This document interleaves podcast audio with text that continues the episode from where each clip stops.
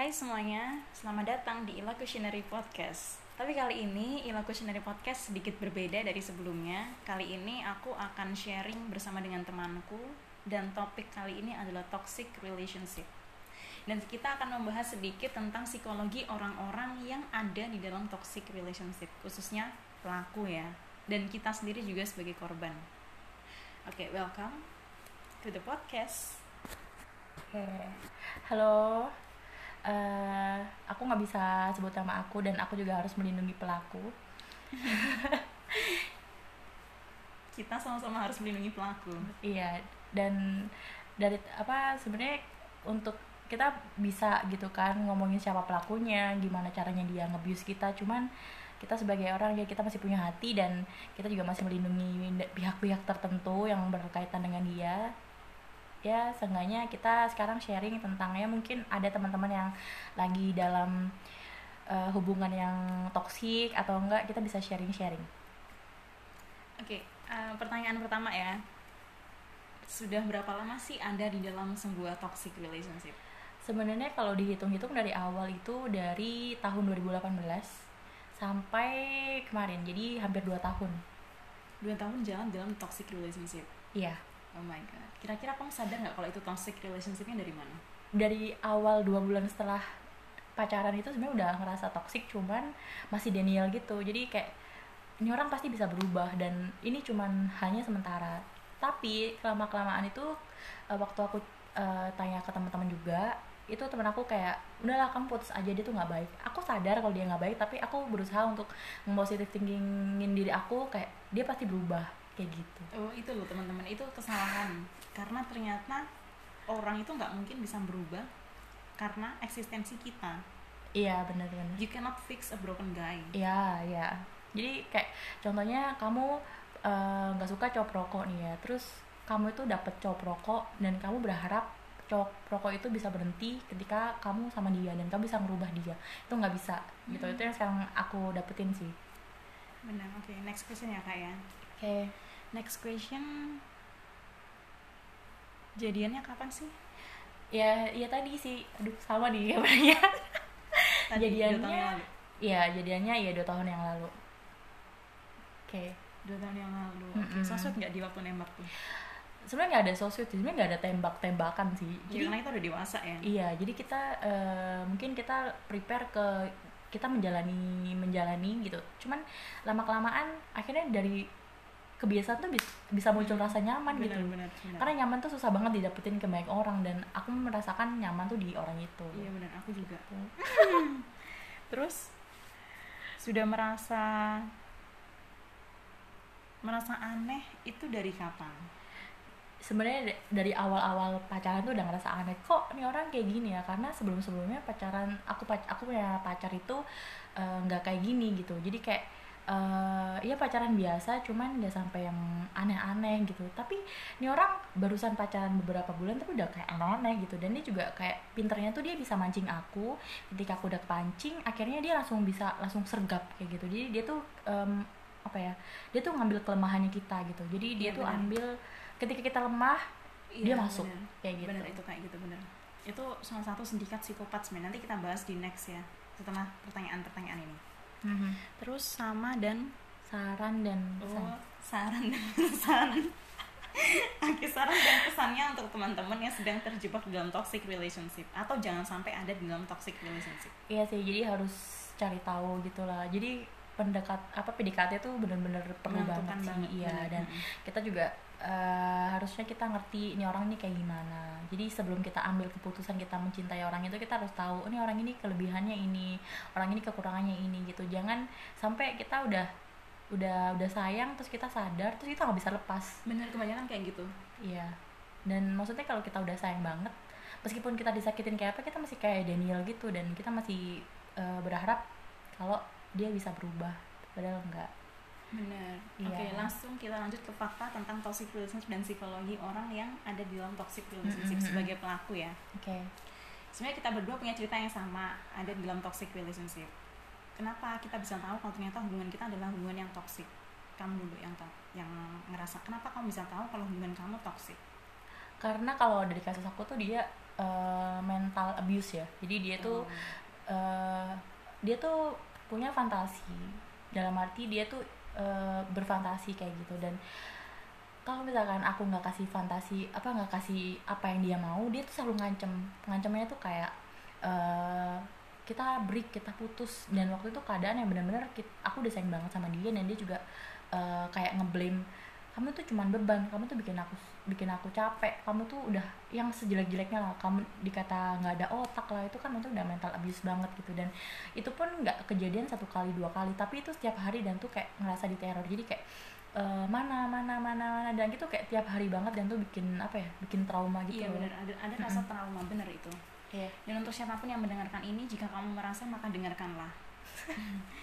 Gini, aku juga waktu itu pernah punya cerita kayak gitu. Jadi ketika aku tidak memberi fantasi itu tadi ya, Hmm. itu dia pernah kayak ngomong dia dia nggak ngancem dia malah nunjukin kayak ini loh ada cewek yang bisa ngasih aku foto ini. Ini loh ada cewek yang bisa ngasih ini. Iya, itu dia benar, kasih benar. tunjuk ke aku. Iya bener bener dan terus kan aku kan nangis? Nah aku ya sedih ya. Iya iya. Aku kasih lah emot nangis. Terus dia tanya loh kenapa nangis? Kan kamu nggak bisa ngasih kayak Iya, gitu. Benar. jadi kayak di blaming balik gitu. Dan Iya. itu itu adalah sindikat psikopat sebenarnya Iya, dia juga kayak gitu sih sama juga. Jadi eh, waktu itu kenapa kamu nggak bisa eh, apa ya? Kamu nggak bisa melakukan itu padahal mantan mantan aku bisa melakukan itu iya gitu. benar Dan padahal dia- ada cewek yang mau nah berarti itu juga menunjukkan bahwa dia udah menunjukkan warnanya aslinya dia. Jadi kayak Mm-mm. ternyata eh, nih orang udah eh, apa ya? Udah melakukan hal itu nggak di kita aja, tapi sebelum sebelumnya dia juga melakukan hal seperti itu dan dia untuk menganggap iya. itu normal. Mm-mm, dan itu normal dan dia juga nggak merasa bersalah karena orang yang seperti ini itu dia tuh nggak ngerasa dia salah dan dia juga nggak ngerasa Hmm. apa yang dilakukan itu merugikan banyak orang gitu loh. Dan dan bukan kita aja dan sebelum sebelumnya juga dia juga melakukan itu gitu. Dan tentang verbal abuse ya mungkin itu verbal abuse ya iya iya. yang dikatain kayak nggak ada otak kayak gitu. Aku juga pernah digituin dibilang babi waktu itu wah itu Dibilang dari hewan ya. waktu itu. Iya padahal aku perempuan orang tua aku semarang pun kan nggak pernah sampai ngomong kayak gitu. Mhm. tapi dia bisa ngomong kayak gitu cuman gara-gara aku nggak bisa ngelakuin ya tadi fantasinya tadi. Iya terus ada juga eh, pertanyaan kayak gini. Kamu tuh eh, bodoh banget ya udah tahu dia tuh kayak gini tapi tetap dipertahanin. benar, benar. karena gini deh eh, kita udah lihat dari beberapa YouTube-nya orang juga orang baik orang yang jadi gini ya kita punya kesan di awal itu dia baik banget. Karena kita lihat kalau misalkan kita lihat ya kita tunjukin ke orang nih orang ini pasti baik.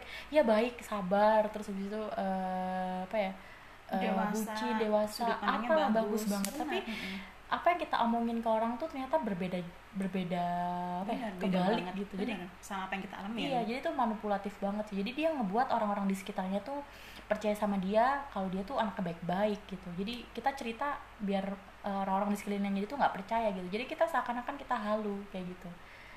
Gitu benar sih. aku juga pernah. Jadi waktu itu pernah temanku sampai tanya dia tuh baik banget loh dek sama aku. Sampai kayak gitu. Terus aku bilang loh baik dari mana? Kalau misal dia baik dia nggak kayak gitu lah Iya, harusnya baik itu kita yang ngerasa tersakiti. Karena Iya. kita nggak ngerti gitu tahapan-tahapan dia yang nyakitin dia prosesnya buat bisa caranya dia ngeblame kita. Karena kita yang namanya apa ya kita soalnya cewek ya. Maksudnya dalam arti kalau misalkan kita di blame ya kita diem terus kita nangis akhirnya terus akhirnya Benar. kita kayak langsung trauma gitu kan dia kan? Dan itu justru jadi kekuatan buat mereka. Iya. Nah itu dia itu langsung kayak blame-nya tuh kayak langsung uh, des-des gitu ya kan? Dus dus dus dan tuh at least nggak ada kata maaf ya. Benar dia tidak pernah nggak ada kata maaf. Dan dia malah ngeblame dan dia malah nyalahin kita kayak kamu tuh eh, nggak sayang sama aku ya kamu nggak bisa gini giniin aku Iya, kayak gitu. dan itu adalah sebuah senjatanya dia gitu. Itu sih. Benar itu bahaya banget. Mm-mm.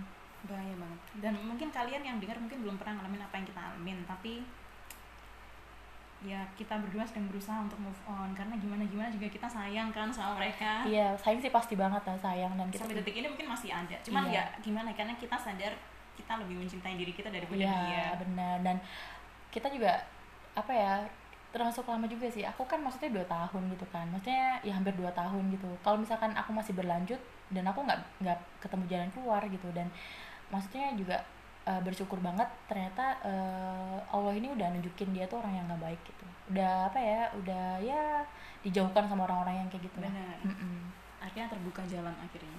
Iya benar benar benar.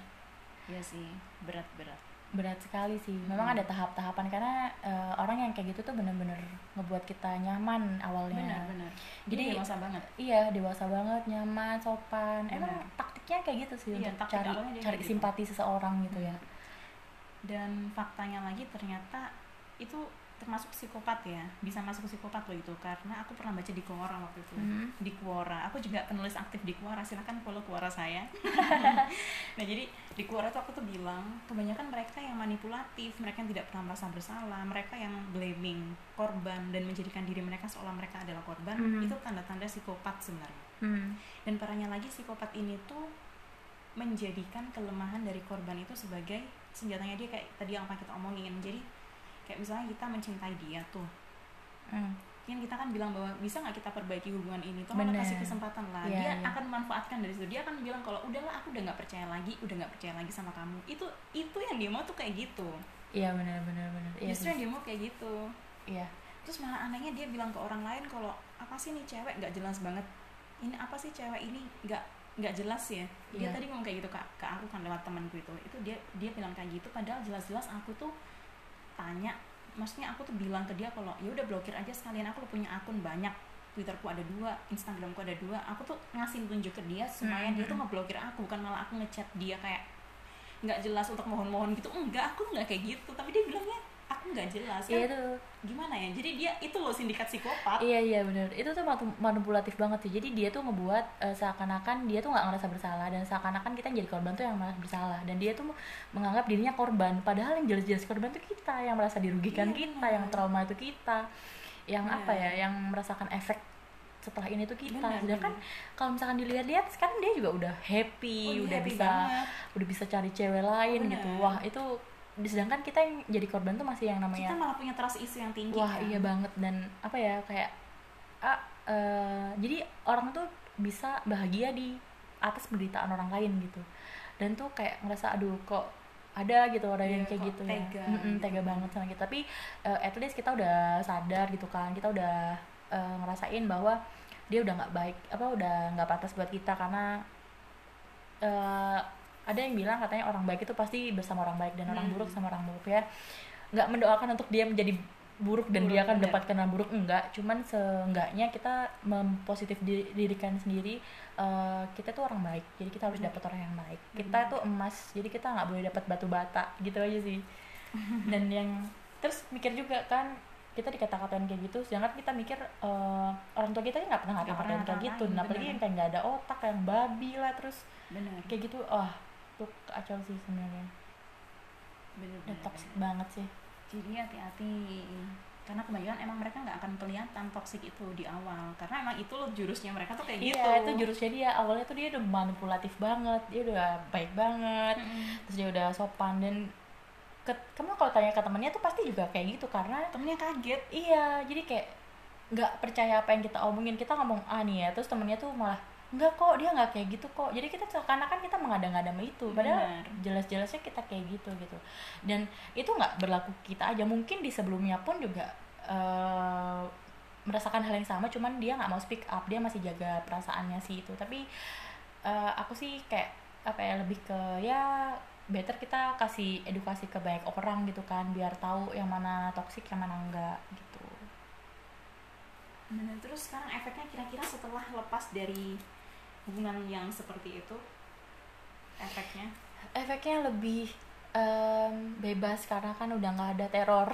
Iya nggak itu ada teror tiap hari. terus juga apa ya eh, kangen sih masih ya. Karena kan memang yang nemenin emang biasanya. Iya yang menemani. Jujur dia menemani aku dari nol. Maksudnya dalam arti eh, aku ngerjain ini ditemenin terus aku sakit ditemenin dan apa ya aku yang benar-benar di titik nol tuh dia ada dan dia jelas-jelas tahu aku di saat-saat seperti itu gitu. Dan sekarang kangen sih masih terus apa ya eh, lebih bebas iya maksudnya bebas kayak nggak ada teror juga terus juga lebih happy kayak lebih love myself gitu loh. Jadi tidur lebih apa ya ter- teratur.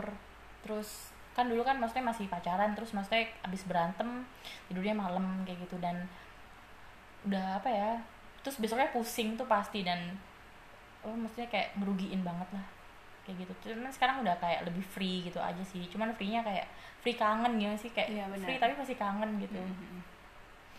Eh, Iya sih. kalau misalkan dibilang masih sayang sih sayang ya sayang siapa yang nggak sayang ya kan Iya, karena kita eh, apa ya kita udah jadi dia tuh udah orang orang orang masa lalu, cuman kalau aku sih mikirnya kayak masih sayang, ya masih sayang karena dua tahun tuh nggak nggak bentar. bener ya bener. Dua tahun nggak bentar gila gila. Untung loh nggak sampai tahunan. Ya dua tahun tuh nggak nggak ini karena eh, jujur itu hubungan yang apa ya, yang menurut aku paling real yang paling lama dan maksudnya dalam arti dia sampai kirim-kirim ini dan maksudnya udah apa ya dan maksudnya juga udah udah udah ngeplan apa ngeplan untuk masa depan kayak masa gimana depan yang kayak gimana. Bener, dan kan kita juga mencintai seseorang tuh bukan hanya dia aja ya. Jadi kita udah aku aku pribadi aku udah mencintai keluarganya udah mencintai adik-adiknya. Jadi kayak apa ya disayangkan sekali sih. Jadi kayak kenapa sih harus udahan gitu? Ya kenapa harus udahan dan kenapa harus udahan? Kalau Hmm. ditanya kenapa harus udahan ya karena udah nggak baik. Tapi kenapa harus udahan? Tapi dia yang ngebuat atau enggak kayak bener. Harusnya kan kayak misal misal kita lebih dewasa nih. Hmm. kayak misal mungkin saat kita pisah harusnya ada ada omongan gitu. Kenapa kok kita harus pisah? Ya udah emang kita nggak bisa. Ya nggak bisanya kenapa gitu. Ada reason ya? Heeh, jadi kayak sekalipun emang kita kenal baik-baik loh seenggaknya kan kita pisah juga bisa baik-baik iya gitu. itu dewasa sekali sih. Jadi tapi nggak semua orang bisa kayak iya gitu. bener. Kalau aku sendiri sih kayak gitu. Jadi kalau ada masalah kita selesaiin bareng-bareng. Kalau bisa kita face to face ya. Apalagi maksudnya eh, kita udah gede juga gitu masalah yang diselesaikan oleh baik pun itu sebenarnya nggak nggak nggak selesai sih terus juga maksudnya sampai bermusuhan sampai yang menjelek-jelekan di iya itu justru nggak iya nggak malah makin selesai serius iya jadi kayak makin apa ya ada struggle dari hati kayak ini orang apa sih terus kayak apa ya kayaknya dingin dingin sama dingin gitu tuh udah nggak dewasa sekali sih Bener. penyelesaian masalahnya Bener-bener. Mm-mm. aku juga ngalamin jadi awal-awal kan kalau misal aku chatting nggak jelas tuh kayak hei masih hidup ya? Eh gimana? gitu. Kayak gitu kan itu kan udah enak aja gitu kita nggak ada beban. Terus tiba-tiba kayak makin ke sini kayak kayak dia udah orang lain banget. Terus tiap kali mau chatting dia tuh kayak perut aku tuh kayak penuh dengan kayak mau kebelet gitu kan. Rasanya udah beda. Karena gitu tadi dia sendiri yang ngebuat ada distract itu dia sendiri.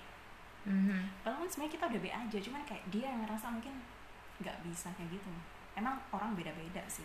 Iya sih iya iya iya. Tapi kebetulan di sini kasusnya kita berdua sama dengan dengan background laki-laki yang agak psikopat itu dan juga sama gitu. Jadi makanya kita nyatu di podcast ini. Iya benar-benar dan apa ya eh kalau bekti tadi kan maksudnya eh. Nggak apa nggak apa it's okay. Kan mereka juga nggak ngerti nama bukti kan banyak. Oke jadi keceplosan jadi eh, kalau kalau kamu kan maksudnya masih ada komunikasi ya udah tapi nggak kalau sekarang bu Iya, maksudnya sebelum setelah putus kan maksudnya ada komunikasi. Kalau aku sih dari semenjak putus telepon mati sampai sekarang udah gak ada kabar. telepon mati Jadi iya kayak jadi kayak abis abis berantem gitu terus akhirnya udah putus putus putus lah. Abis itu telepon mati sampai sekarang sampai sekarang udah hampir dua bulan jalan nggak ada kabar dan nggak ada dia tuh kayak gimana dan dia juga nggak tanya. Maksudnya kayak ya aku nggak berharap dia tanya lah. At least dia kayak ada itikat baik untuk meminta maaf Iya, menjelaskan sebenarnya iya. kayak gitu kan? Tapi di tipe-tipe cowok kayak kita cowok-cowok kita Bener, ini nggak mungkin. nggak mungkin. Kita nggak berharap kita nggak ada harapan untuk dia kembali untuk minta maaf. Enggak cuman ya gimana ya? Berat sih. Berat berat berat. Kalau aku efeknya akhirnya aku punya trust issue yang tinggi banget akhirnya.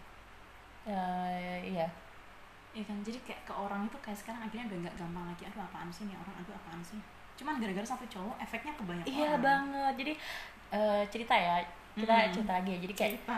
kemarin tuh ada yang ada yang nembak gitu loh. Jadi eh, dia sebenarnya tahu dia teman aku. Dia juga tahu kalau aku habis putus. Terus aku juga lagi struggle ke banyak masalah gitu kan. Dan dia tuh tiba-tiba kayak nembak dan aku tuh rasa dia cowok baik-baik sih. Dia juga eh, anak yang patuh dalam agama. Terus tapi di situ kayak aku mikir kayak orang yang kayak gini nih pasti bakalan ngelakuin hal yang sebelumnya maksudnya kayak cowok aku sebelumnya gitu. Dan padahal aku ngerti dia baik-baik tapi kita rasanya kayak insecure gitu loh. Jadi Bener. kita deket sama cowok baru tuh kayak insecure gitu loh. Iya kayak gitu. cowok aku juga backgroundnya dia baik-baik. Iya Pa- kak. paham agama. Keluarganya dia keluarga ini loh kayaknya keluarga dia tuh keluarga yang agamis. Mhm. karena kelihatan dari rumahnya dia tuh ada buku-buku agama tuh banyak banget kayak ustadz-ustadz besar tuh pasti punya buku itu. Dia ada buku itu iya iya. Dia dari keluarga yang baik-baik juga kan. Iya, kita nggak menspesifikkan agama tertentu enggak ya. Cuman ya udah kelihatan lah pasti lah. Iya. Karena kita ngerti yang orang yang beragama yang baik itu kayak gimana kita ngerti ya. Mm-mm. dan aku pun juga jadi kesannya orang tuh ngeliat eh masa sih dia kayak gitu? Dia tuh baik loh dia tuh Benar. bucin loh dia tuh Benar, sabar loh. Dia tuh dewasa Tapi- banget loh. iya tapi kok apa yang dilakukan sama dia itu bertolak belakang apa yang orang lain denger gitu orang yang lain tahu gitu itu itu aduh aku nggak bisa ini nih. Kenapa ya?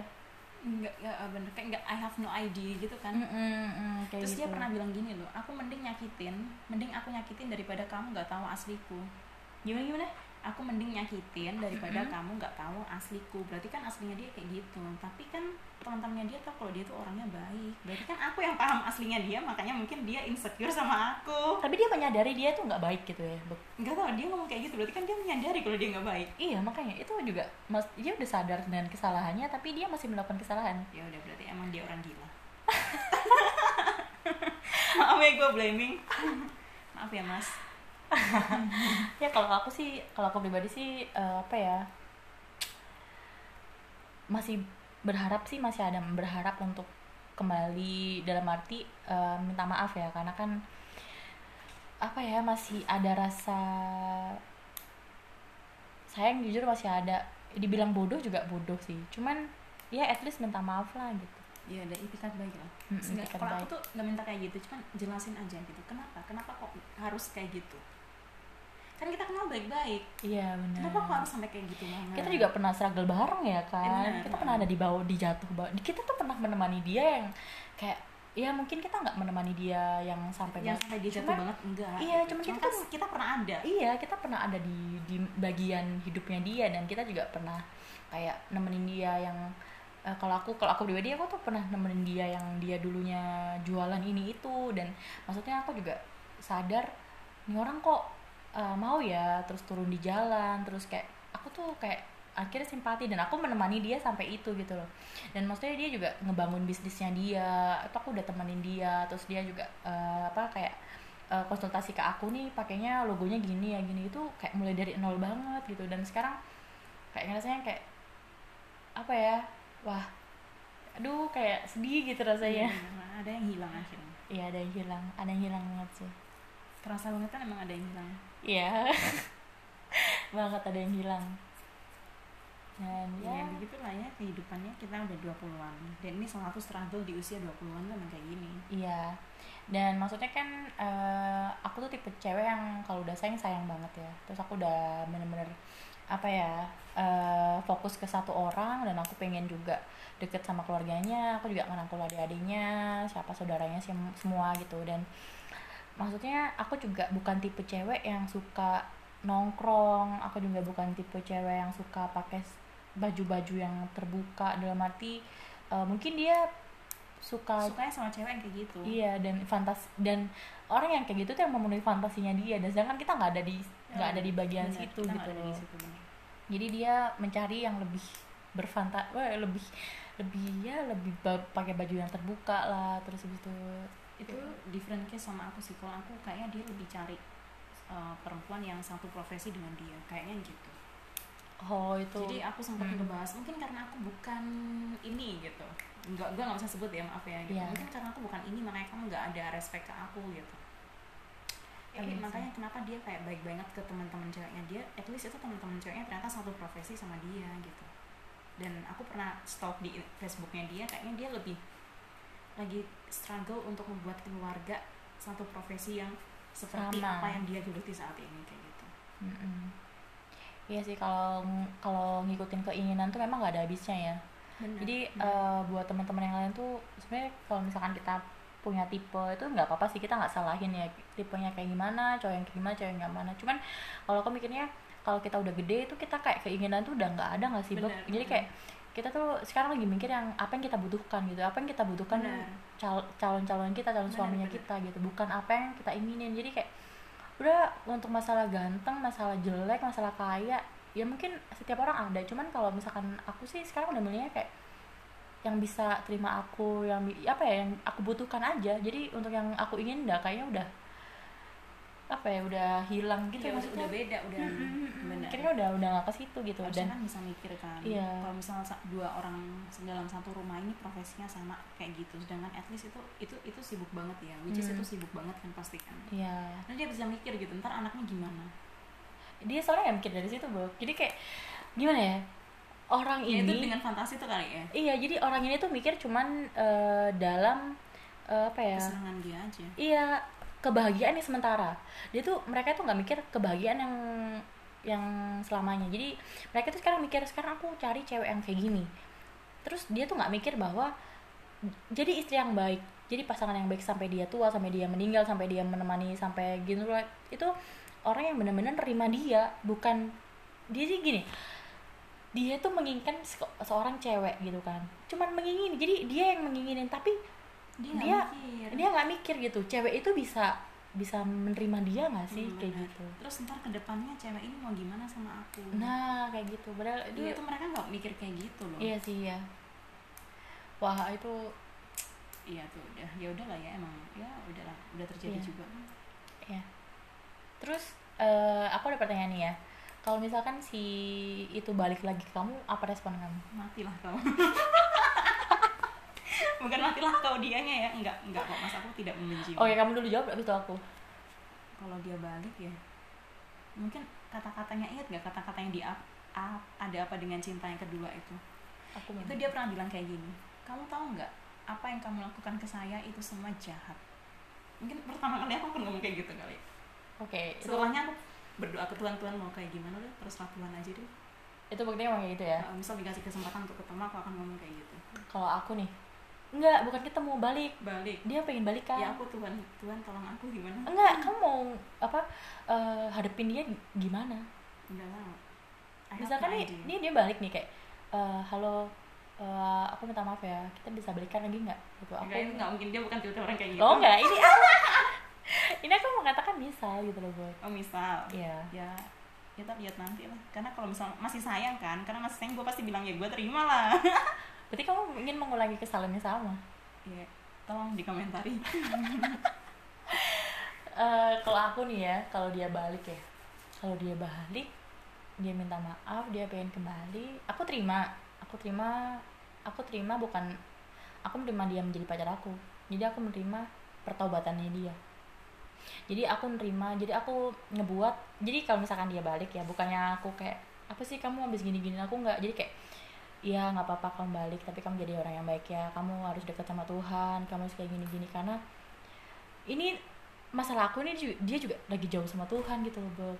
orang yang aku udah ngerti banget orang yang jauh sama Tuhan tuh pasti begini Beb. dia orang yang jauh dengan Tuhan dia kayak gitu. Ini orang yang dekat dengan Tuhan dia kayak gitu. Oke. Ini oke kontradiktif ya. Iya iya iya iya. Jadi jadi dia tuh sebenarnya eh, kalau aku mikir sih kayak temennya tuh udah apa ya kayak ngingetin dia ibadah kayak gitu. Cuman adanya dia yang ngingetin temennya ibadah. Iya. Kita itu berterima banget itu. Terus tapi dia kayak ngejauh gitu. Dia berarti kan dia udah jauh sama Tuhan dan dia ingin menjauh dari Tuhan. Dan orang yang jauh sama Tuhan tuh pasti ya ada sesuatu yang nggak beres di dalam beres gitu. Dan memang ya tuh dia mencari apa yang dia inginkan bukan apa yang dia butuhkan. Sekarang gitu. yang menerima dia apa adanya yang kita udah ngerti banget kan dia kekurangan dan kelebihannya iya apa. kita udah ngerti banget. Iya ya aku kenal baru tapi kayak rasanya kayak udah ya udah lah aku aku kamu kenal barat aku udah kenal lama. Aku udah tahu jelek-jeleknya dia dia ngorok aja aku pernah udah tahu. Maksudnya kayak ya aku ngerti banget gitu loh kekurangannya dia apa. Dan aku menerima itu gitu. Dan aku juga aku juga nggak ngerti sih yang baru ini yang se yang menurut dia itu cantik lebih seksi Oh, itu gitu. dia bisa nerima dia dan keluarganya atau enggak. Itu yang aku khawatirin sih. Dia nggak dia sih is oke ya dia mau cari Bener. cewek yang seperti apa. Mereka cuma aku mikir khawatir aku khawatir gitu loh ketika nanti dia udah dapet cewek yang menurut dia bagus yang menurut dia cantik yang menurut- tapi cewek itu nggak bisa nerima keluarganya dan nggak bisa deket sama keluarganya dan nggak bisa respect sama keluarga itu yang aku khawatirin sih. Kayak gitu. Sedih ya?